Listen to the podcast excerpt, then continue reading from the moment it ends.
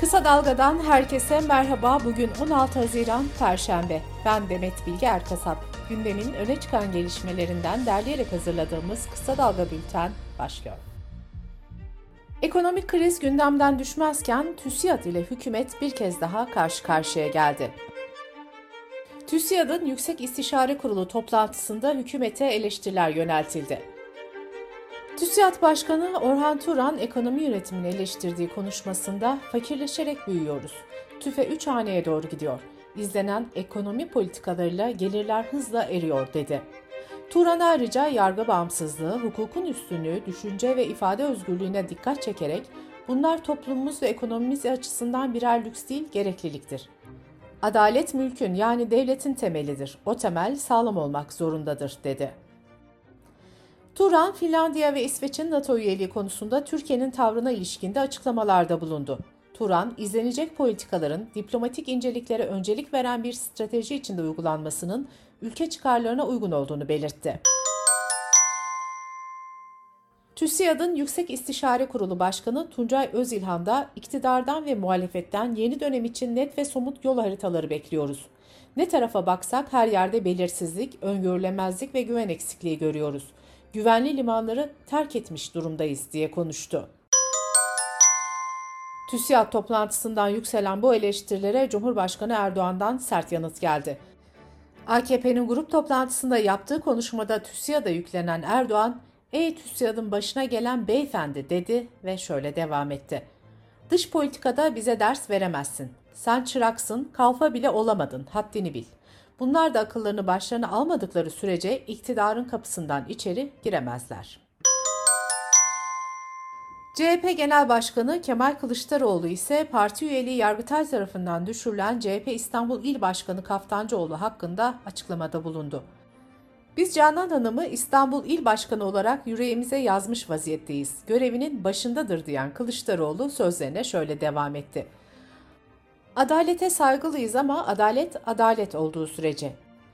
Bir kişi haksızlık yapılıp görevinden alınacak, üyeliği düşürülecekse biz buna uymayız. İyi Parti lideri Meral Akşener de Akdeniz Üniversitesi'ndeki intihar vakalarının araştırılmasını istedi. Akşener Partisi'nin grup toplantısında şöyle dedi. Eğer ortada gençlerimizin hayatını baskılayan, özgürlüklerini kısıtlayan, onlara düşük kaliteli ve sağlıksız beslenme koşullarını dayatan şartlar varsa bunu öğrenmek zorundayız. Akşener daha sonra kürsüyü Akdeniz Üniversitesi'nde okuyan Süleyman Kızıltaş'a bıraktı. Kızıltaş ise şunları anlattı. Yurtta kalan öğrencilerin yurt personeli tarafından baskı altında bırakıldığı, özel hayatının ihlal edildiği, manevi danışmanlık adı altında bazı tarikat ve dini cemaatlere taraftar toplandığı ve siyasi parti propagandası yapıldığı apaçık bir gerçektir. KYK yurtları, devlet yurdu görünümlü cemaat, tarikat ve siyasi parti yandaşlarının at koşturduğu ölüm yurtları haline gelmiştir. Sağlık çalışanları ile ilgili düzenlemeleri içeren yeni yasa teklifini protesto eden sağlıkçılar dün iş bıraktı. Sağlık emekçilerinin açıklamasında oyalama değil hakkımızı istiyoruz, emekliliğe yansıyacak, insanca yaşayacak temel ücret istiyoruz denilirken sağlıkta şiddete de son verilmesi istendi. 301 madencinin yaşamını yitirdiği Soma faciası davasında haklarında verilen 12,5 yıl hapis cezası Yargıtay tarafından onanan iki mühendis yakalanarak cezaevine konuldu. Independent Türkçe'den Can Bursalı'nın haberine göre 20 yıl hapis cezasına çarptırılan madenin patronu Can Gürkan ise COVID-19 izni sayesinde hapse girmekten kurtuldu. 28 Şubat davasında müebbet hapis cezası alan ve İzmir F tipi cezaevinde kalan Çevik Bir'in avukatları infaz erteleme başvurusu yaptı. Avukatlar dilekçelerinde Çevik Bir'in ileri derecede demans hastası olduğunu belirtti. Dilekçede yemek yemeyi unutarak aç kalması nedeniyle yaşam tehlikesini içeren sağlık sorunları mevcuttur denildi. CHP İzmir Milletvekili Sevda Erdan Kılıç, stajyer avukatlara hakim ve savcı stajyerlerine olduğu gibi devlet tarafından aylık ödenmesine ilişkin kanun teklifi verdi. Sırada ekonomi haberleri var. Tarımda yaşanan sıkıntılar ve gıda krizi dünyada olduğu gibi Türkiye'nin de gündeminde ilk sıralarda. İktidar son zamanlarda sık sık ekilmedik tek karış yer kalmasın çağrıları yaparken yurt dışında arazi kiralamada bir yöntem olarak gündeme geldi.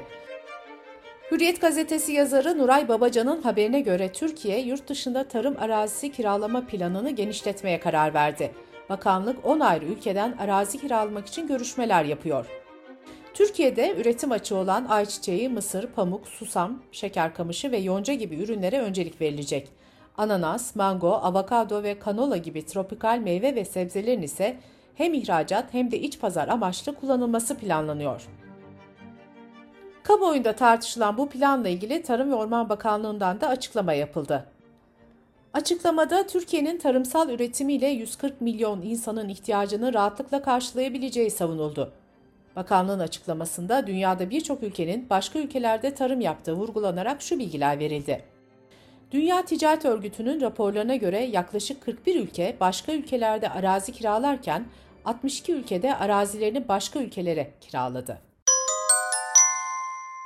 Türkiye İstatistik Kurumu verilerine göre tarım ürünleri üretici fiyat endeksi Mayıs'ta aylık %16.18, yıllık %154.97 arttı. Yıllık artış sebze ve kavun, karpuz, kök ve yumrularda %230'u buldu. Lifli bitkilerdeki artış ise %273 olarak kayıtlara geçti. CHP Genel Başkan Yardımcısı Ahmet Akın, Cumhurbaşkanı Erdoğan'ın Karadeniz'de doğal gaz bulunduğu müjdesini verdiği Ağustos 2020 tarihinden bu yana konut tarifesine 10, sanayi tarifesine ise 11 kez zam yapıldığını söyledi. Müjdeden sonra konutlarda toplam zam oranı %160, sanayideki zam oranı ise %610 oldu. Hazine ve Maliye Bakanlığı merkezi yönetim bütçe gerçekleşmelerini açıkladı. Buna göre Mayıs ayında merkezi yönetim bütçe giderleri 173 milyar TL, bütçe gelirleri ise 317 milyar TL oldu. Bütçe fazlası 144 milyar TL olarak gerçekleşti. Bütçe önceki ay 50.2 milyar liralık açık vermişti. Türkiye İstatistik Kurumu Mayıs ayına ilişkin konut satış istatistiklerini açıkladı. Buna göre ülke çapında geçtiğimiz ay 122.768 konut satıldı.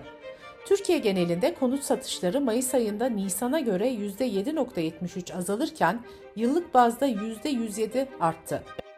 Yabancılara yapılan konut satışları ise geçen yıla kıyasla %235.7 arttı.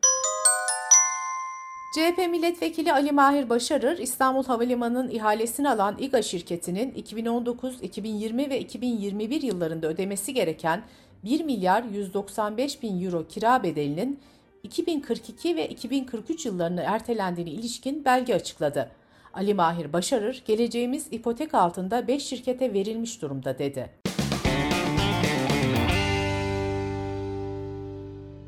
Bültenimize dış politika ve dünyadan gelişmelerle devam ediyoruz. Finlandiya Başbakanı San Marin, 28-30 Haziran tarihleri arasında İspanya'nın başkenti Madrid'de yapılacak NATO zirvesine dek Türkiye ile bir anlaşma sağlanamaması durumunda Finlandiya ve İsveç'in NATO üyelik sürecinin dondurulabileceği endişesini dile getirdi. Türkiye'nin kaygılarını ciddiye aldıklarını ve bu konuları konuşmaktan yana olduklarını belirten Başbakan Marin, şayet bir yanlış anlaşma varsa bunları da gidermek istiyoruz dedi.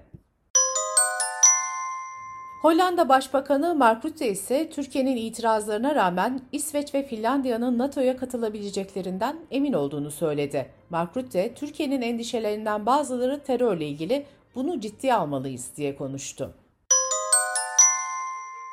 İngiltere'nin sığınmacıları Ruanda'ya gönderme planı Avrupa İnsan Hakları Mahkemesi'ne takıldı. Ruanda 151 milyon dolar karşılığında İngiltere'den gönderilecek sığınmacıları kabul etmeye razı olmuştu. Sığınmacıları taşıyan ilk uçağın önceki gün havalanması bekleniyordu. Ancak uçuş Avrupa İnsan Hakları Mahkemesi kararıyla durduruldu. Konuyla ilgili bir acil ara karar açıklayan AHİM, planlanan uçuşa birkaç saat kala Iraklı bir sığınmacının Ruanda'ya gönderilemeyeceğini belirtti. Ahim, İngiltere'deki doktorların bu kişinin işkence mağduru olabileceği yönündeki bulgusunu hatırlattı.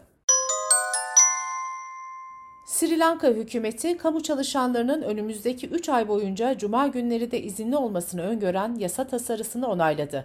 Hükümet haftada 4 gün mesai uygulamasıyla vatandaşlarını evde gıda yetiştirmeye teşvik etmeyi hedefliyor. Ayrıca artan yakıt fiyatları nedeniyle vatandaşların bir gün işe gitmeyerek tasarrufta bulunmaları da amaçlanıyor. Son 70 yılın en büyük ekonomik krizini yaşayan Sri Lanka'da gıda, yakıt ve ilaç ithalatında sıkıntılar yaşanıyor. Ülkenin içinde bulunduğu ekonomik kriz nedeniyle kıtlık yaşanmasından da endişe ediliyor.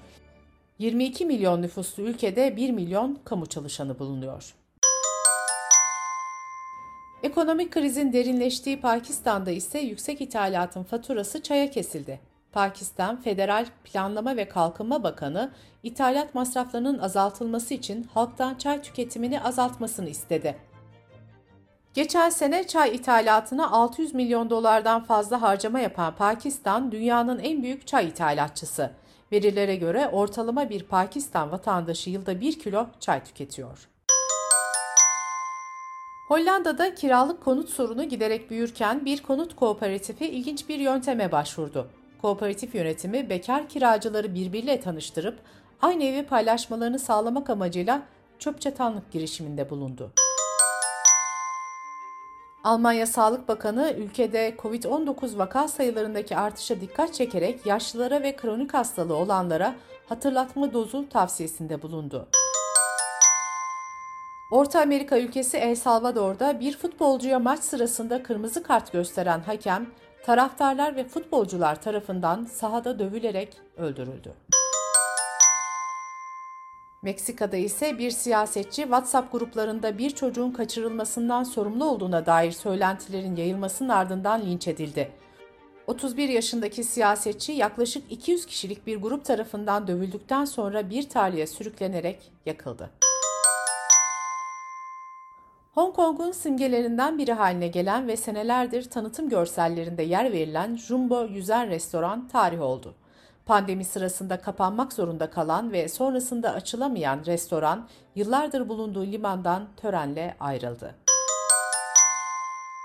Avustralyalı astronomların liderliğini yaptığı bilim insanlarından oluşan bir ekip son 9 milyar yılın en hızlı büyüyen kara deliğini keşfetti kara deliğin her saniyede dünya büyüklüğünde bir alanı yuttuğu belirtildi.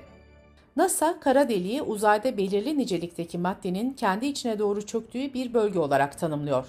Astronomlar bu son kara deliğin keşfi sayesinde galaksilerin nasıl oluştuğu konusunda yeni ipuçlarına ulaşabilmeyi hedefliyor. Bültenimizi kısa dalgadan bir öneriyle bitiriyoruz. Son yıllarda çokça tartışılan toplumsal cinsiyet, cinsiyetçilik, cinsiyet eşitliği gibi kavramlar toplumdaki kemikleşmiş rolleri de sorgulatıyor. Erkek çocuklar pembe giyip bebekle oynarsa cinsiyet karmaşası mı yaşar? Peki cici kızlar prenses yerine korsan olmak isterse? Oyunların, oyuncakların, kitapların, renklerin, kıyafetlerin cinsiyeti olur mu?